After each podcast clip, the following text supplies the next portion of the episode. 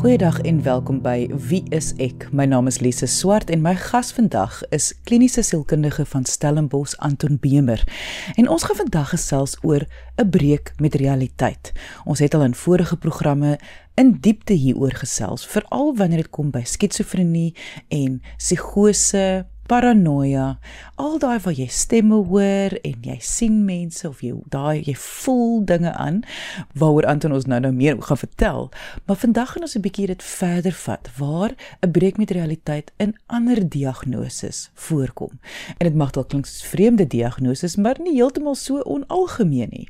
Indien jy enige vrae het oor vandag se onderwerpe, kan jy ons kontak. Onthou jy kan gaan na ons webwerf, dit is www.wieisek.co.za. Maar kom ons luister nou eers na my gesprek met kliniese sielkundige van Stellenbosch, Anton Bemer, oor 'n breek met realiteit. Anton, dit is nou goed en wel dat ons praat van 'n breek met realiteit, maar wat presies beteken dit? Beteken tog sekerlik nie net een ding nie, hierdie het seker 'n klomp fasette daarin. Ja, Lise, en daar is natuurlik verskillende redes hoekom mense 'n uh, 'n breek met realiteit kan ervaar.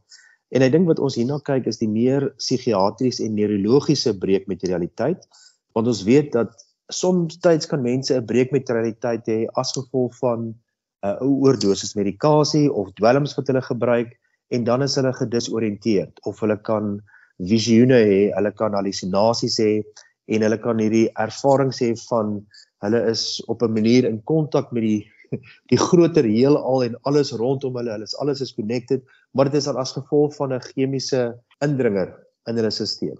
Dit is nie waarop ons wil fokus vandag nie. Ek dink vir my is dit belangriker om te kyk wat is die meer algemene redes hoekom mense 'n uh, breek met realiteit kan ervaar. Daar is natuurlik baie voor die hand liggende voorbeelde ook soos as iemand psigoses ervaar. Met ander woorde, as jy 'n diagnose van skizofrenie het en dit is nie net daardie diagnose nie, maar sal 'n psigotiese episode beteken dat jy mag halusinasies ervaar. Jy mag dinge sien of hoor of selfs voel en ruik wat nie werklik daar is nie. Of jy mag selfs dinge op jou vel voel wat vir jou as 'n werklikheid uh oorkom, asof daar iets op jou vel hardloop of beweeg en so, maar daar's geen mediese bewyse daarvoor nie. So dit is 'n 'n hallusinasie wat so 'n persoon ervaar. Ook as persone 'n maniese episode ervaar. So as jy 'n diagnose het van eh, kom ons sê 'n bipolêre gemoedstoring, 'n maniese episode mag wees dat jy so oordrewe idee van jouself het dat jy dink dat jy in staat is om dinge te doen wat jy nie werklik kan doen nie of dat jy so geweldige intense emosionele ervarings het wat wat jou heeltemal buite die die verstaan van ander mense plaas. En en weer eens dit is nie noodwendig realisties nie, maar dit is in die konteks van psigose of maniese episode of dan weer eens die gebruik van dwelmmiddels of te veel voorgeskrewe medikasie. Nou as jy sê hierdie is nou nie waar ons waarop ons nou eintlik nou vandag gaan fokus nie want hierdie is die dit is wat ons almal min of meer ken onderbreek met realiteit. Waaroor gaan ons dan vandag gesels? Lise wat ek voorstel ons praat oor vandag is is drie verskillende psigiatriese of neurologiese probleme wat mense kan ervaar en wat dan ook hierdie breek met die realiteit veroorsaak. Die een daarvan is 'n tipe persoonlikheidsversteuring en ons het al in die verlede gepraat oor persoonlikheidsversteurings wat dan beteken 'n patroon van dink, die omgewing waarneem, daarop reageer en met ander mense ehm um, verhoudings bou wat die teenoorgestelde ervaring skep as wat meeste mense graag wil hê. Paranoïde persoonlikheidsversteuring, die skizoïde en die skizotipiese persoonlikheidsversteuring. Dit kan met ander woorde geweldig baie ongemaklikheid skep. Dit kan in fisiese geweld ontaard teenoor iemand anderste of teenoor die persoon self. So dit mag daarop dui dat hierdie persoon 'n baie swak geïntegreerde self het. Nie net in terme van selfbeeld nie, maar dit wat hulle as mens maak, hulle persoonlikheid, dat hulle 'n baie swak bewussyn daar daarvan het en daarom is dit vir hulle baie moeilik om die patrone wat in hulle lewens uitspeel aan hulle self toe te skryf. Eilik in kort beteken dit dat hulle baie die omgewing daar buite kan blameer vir dinge wat verkeerd gaan in hulle lewens of in daardie gevalle 'n slagofferrol inneem of alternatiefelik dat hulle baie aggressief reageer op die omgewing en dan is dit dat hulle uh baie meer kom ons sê soms selfs brutale manier het om met die omgewing en ander mense om te gaan.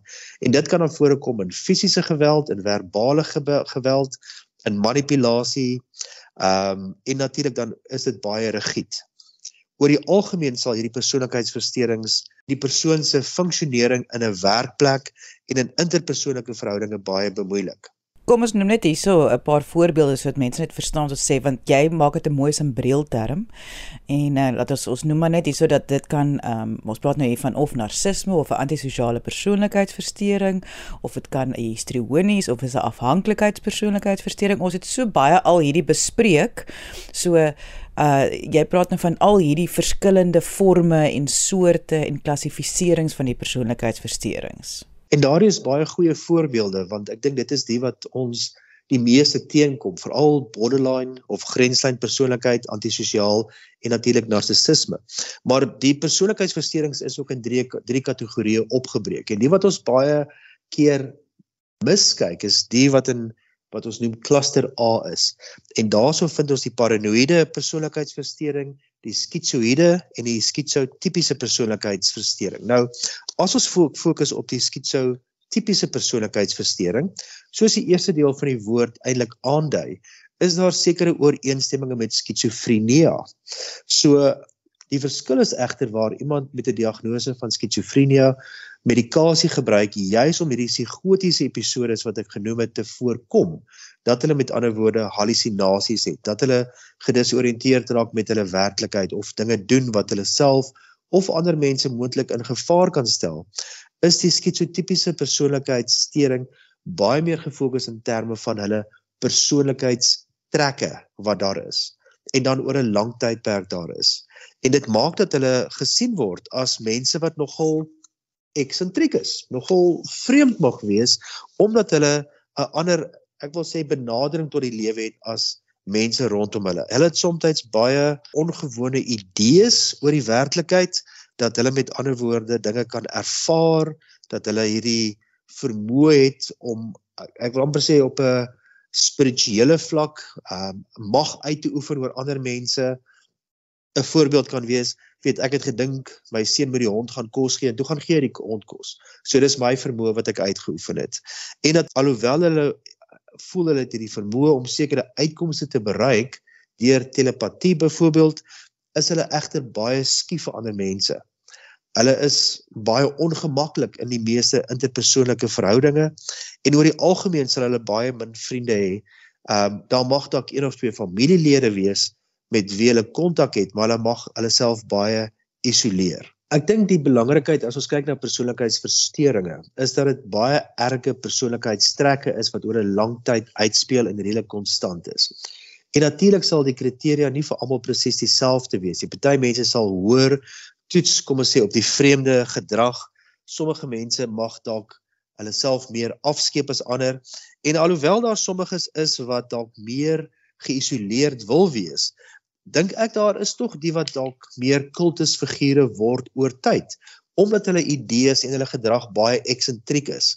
Kom ons sê as mense 'n paar duisend jaar terug sou gaan in tyd, weet sou dit dalk iemand gewees het wat mense gesien het as iemand wat boodskappe van die gode of van die natuur of 'n god kon interpreteer op 'n sekere manier en voorspellings maak daarop want hulle taal is oor die algemeen ook vreemd of ongewoon wat hulle self in uitdruk. Hierdie is gedrag wat nie in 'n spesifieke kultuur mooi inpas nie, maar as dit aanvaar word in 'n sekere kultuur, kan daar baie waarde geheg word aan wat so 'n persoon sê en wat so 'n persoon doen en natuurlik ook dit wat hulle uitspreek wat in die toekoms mag gebeur.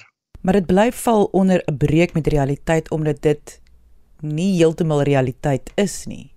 Natuurlik, want dit is in die afwesigheid van spesifieke bewyse dat daar sekere dinge gaan gebeur en dit is ook baie moontlik dat so 'n persoon sal sê wel dit het nou nie gereën nie omdat jy nie genoeg ehm um, lammers of bokke ge, geoffer het nie of weet daar is sekere redes hoekom my voorspelling nie waar geword het nie want jy het iets slegs gedoen of daar's iemand hier tussen julle wat 'n sekere wet of gebod oortree het.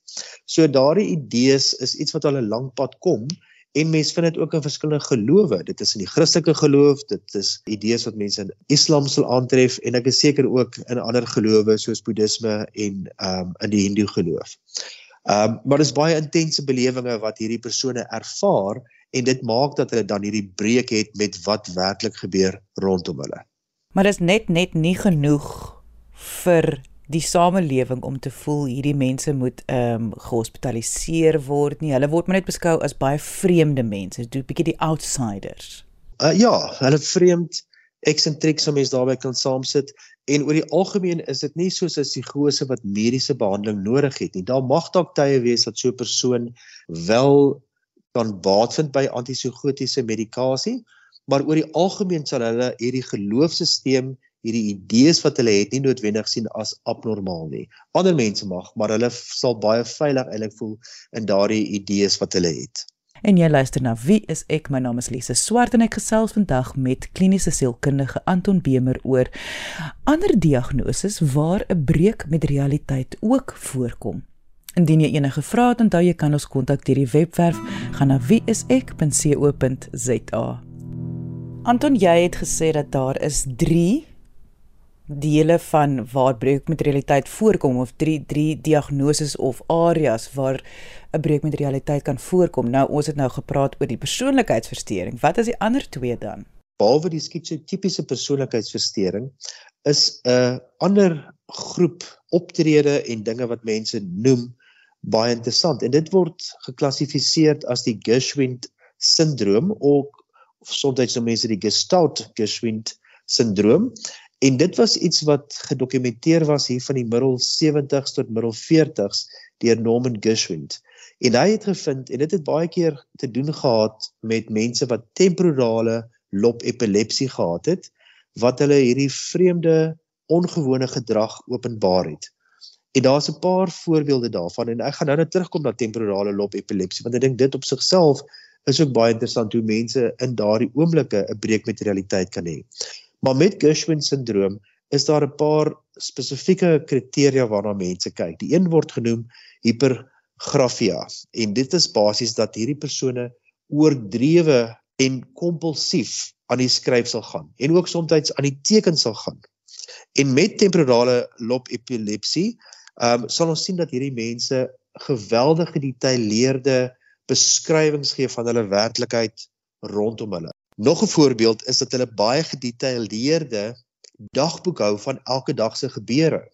En dit kan wees dat hulle byvoorbeeld presies aanteken hoe laat die son opkom of weet hoeveel water daar op die kar se dak gelê het of wat is die eerste persoon wat hulle die oggend gesien het en in detail beskryf dalk wat die persoon aangegaan het en so voort. So daar's geen doel daaraan nie behalwe vir hulle dit 'n sekere betekenis om so 'n dagboek te hou. En natuurlik dan wat wat oorgaan na die volgende uh, aspek toe is dat soms is dit geweldig religieuse idees wat hulle so neerskryf. So 'n verdere teken en dit gaan ook weer aansluit by die temporale epilepsie is dat hierdie persone oordrewe geestelike of religieuse ervarings kan hê. En dit kan wees dat hulle hierdie intense gevoelens het dat hulle in kontak is met God of dat hulle in kontak is met die kosmos, die wêreld daar buitekant of selfs net dat alles skielik geïntegreerd geraak het. En hierdie auras wat hulle kan ervaar, kan soms geweldig fisies wees, kan baie ekstaties na vore kom en weer eens kan dit in verskeie gelowe na vore kom waar hierdie persone hierdie sterk religieuse ervarings uitspreek. Ek dink wat moeilik is is dat hierdie persone kan dan ook soms baie swaai wanneer hulle nie hierdie ervarings het van oor godsdienstigheid nie. Die derde opsie is dat hulle 'n atipiese seksualiteit mag hê. Nou dit beteken nie in in terme van 'n seksuele voorkeur nie. Dit beteken eerder dat hulle libido baie laag kan wees by tye en soms kan dit 'n baie verhoogde libido wees vir daar 'n hiperseksualiteit na voorkom. Ek dink wat soms ook 'n kom ons sê 'n komplekse probleem is, Ehm um, as jy gesprekke voer met so 'n persoon, is dat hulle baie die Engelse woord is circumstantiality openbaar.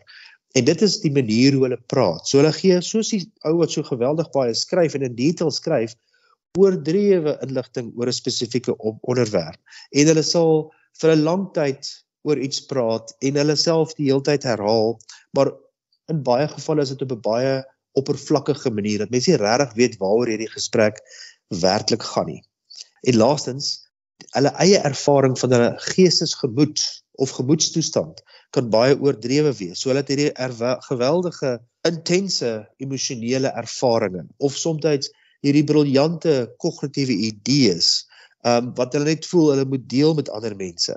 En en dit is iets wat saamgaan met hierdie oordrewe hiper geloofservarings of die hiper skryf want alles is hiper. Dis daai ou sê ding van as enigiets te is, dan is dit te veel. Nee, dan is dit dalk oordrewe. Maar in hierdie gevalle is dit iets wat dan 'n baie sterk neurologiese komponent het en weer eens iets is wat vir ander mense buitensporig sal wees as wat meeste mense sal doen. En dit is met ander woorde in daardie oomblikke het hulle 'n breek met die realiteit. En voorbeelde kan dalk wees iemand soos Vincent van Gogh of selfs iemand soos Joan of Arc wat geweldig oordrewe geskilder het of oordrewe godsdienstige ervarings gehad het. En dan het jy ook genoem van temporale epilepsie wat jy apart ook wil uitlig. So kan ons daaroor gesels. Dis nie alleen 'n baie interessante vorm van epilepsie nie, maar dit is ook 'n baie algemene vorm van epilepsie. En ek dink wat wat wat hierso interessant is is dit kan of baie lokaal wees in terme van die temporale lobbe self en dit is nie noodwendig dat die persoon bewussyn verloor as hulle hierdie vorm van epilepsie ervaar nie, maar soms ook wel so. So dit is dat daar verskillende forme daarvan kan voorkom.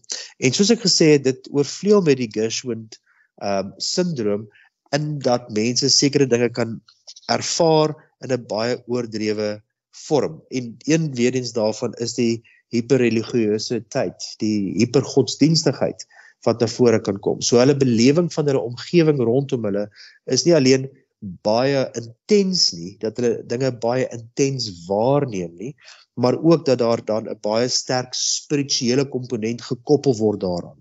Baie meer as wat werklik ervaar sal word deur die meeste ander kom ons sê gelowige mense rondom hulle. Hulle kan ook baie intense angs ervaar. Hulle kan baie intense gevoelens ervaar en dit is dan ook dat dit so na vore kom dat hierdie persoon dalk paranoïed kan raak wat betref die mense rondom hulle se intensies. So dit klink nou geweldig akademies om dit te sê, maar ek dink omdat dit 'n baie rare vorm nee, ek ek weerspreek myself. Um omdat die persoon nie noodwendig bewussyn verloor nie, sê mense nie noodwendig altyd dit is iets wat gebeur nie. En ek dink dit maak dit moeilik om dit dan te identifiseer. Maar as dit wel gebeur, kan dit geweldig baie emosionele ongelukkigheid veroorsaak vir die mense rondom hierdie persoon want hierdie gebeur kom ons sê vir 'n paar minute maar hulle is daarna heeltemal onbewus van wat gebeur het of ook onbewus van die dinge wat hulle gesê het in daardie oomblikke.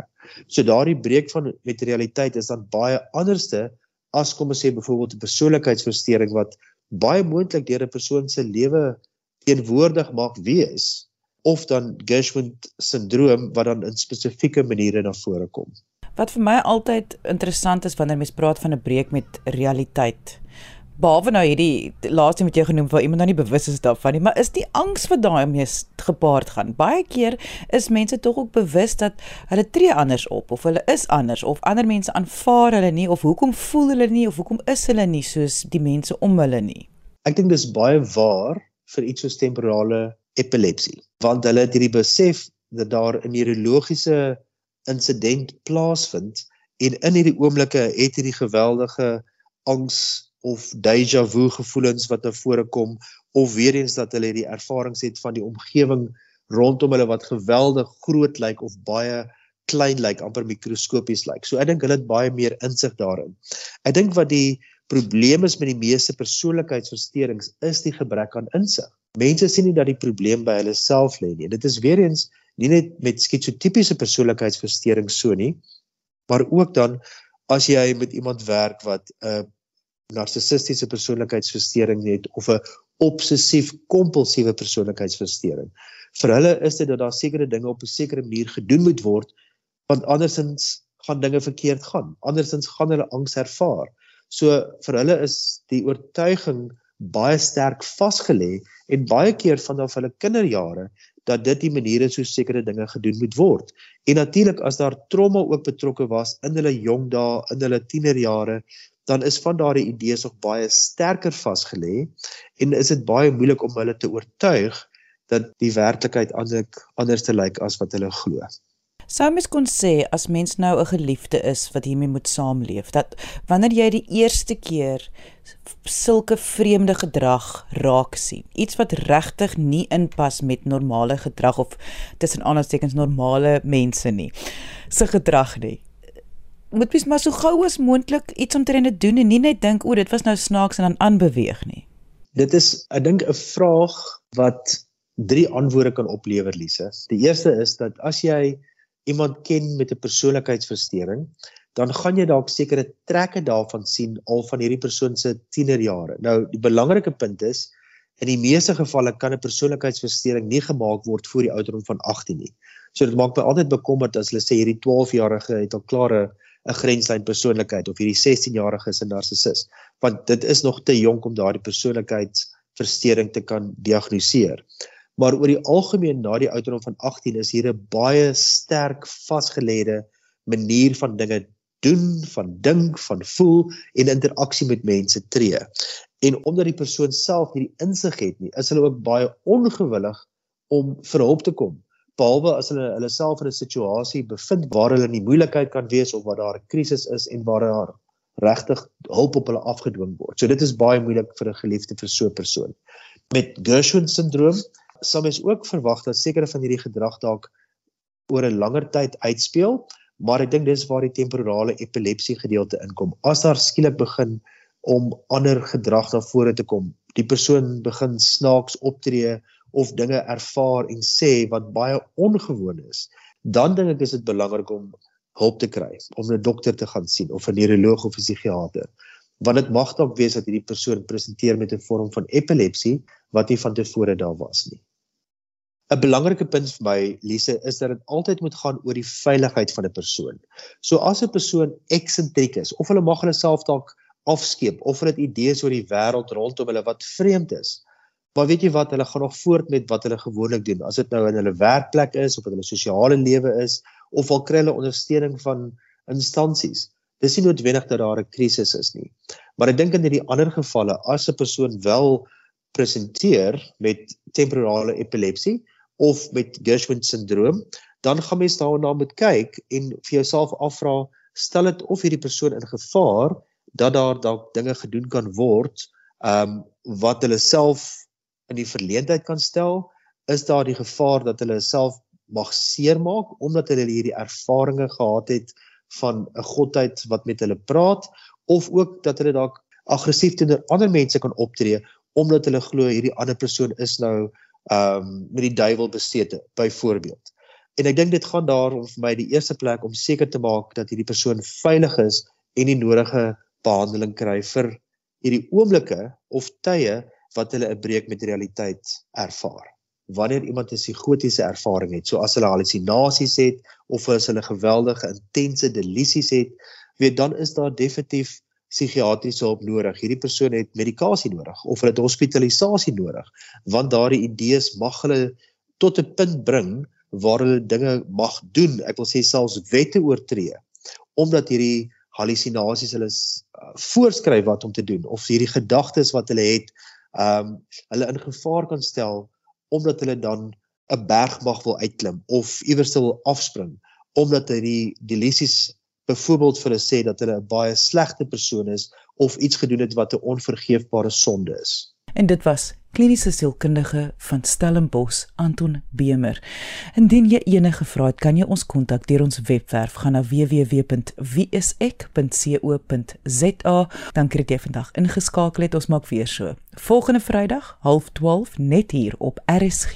Jy moet 'n heerlike naweek hê en onthou, kyk mooi na jouself.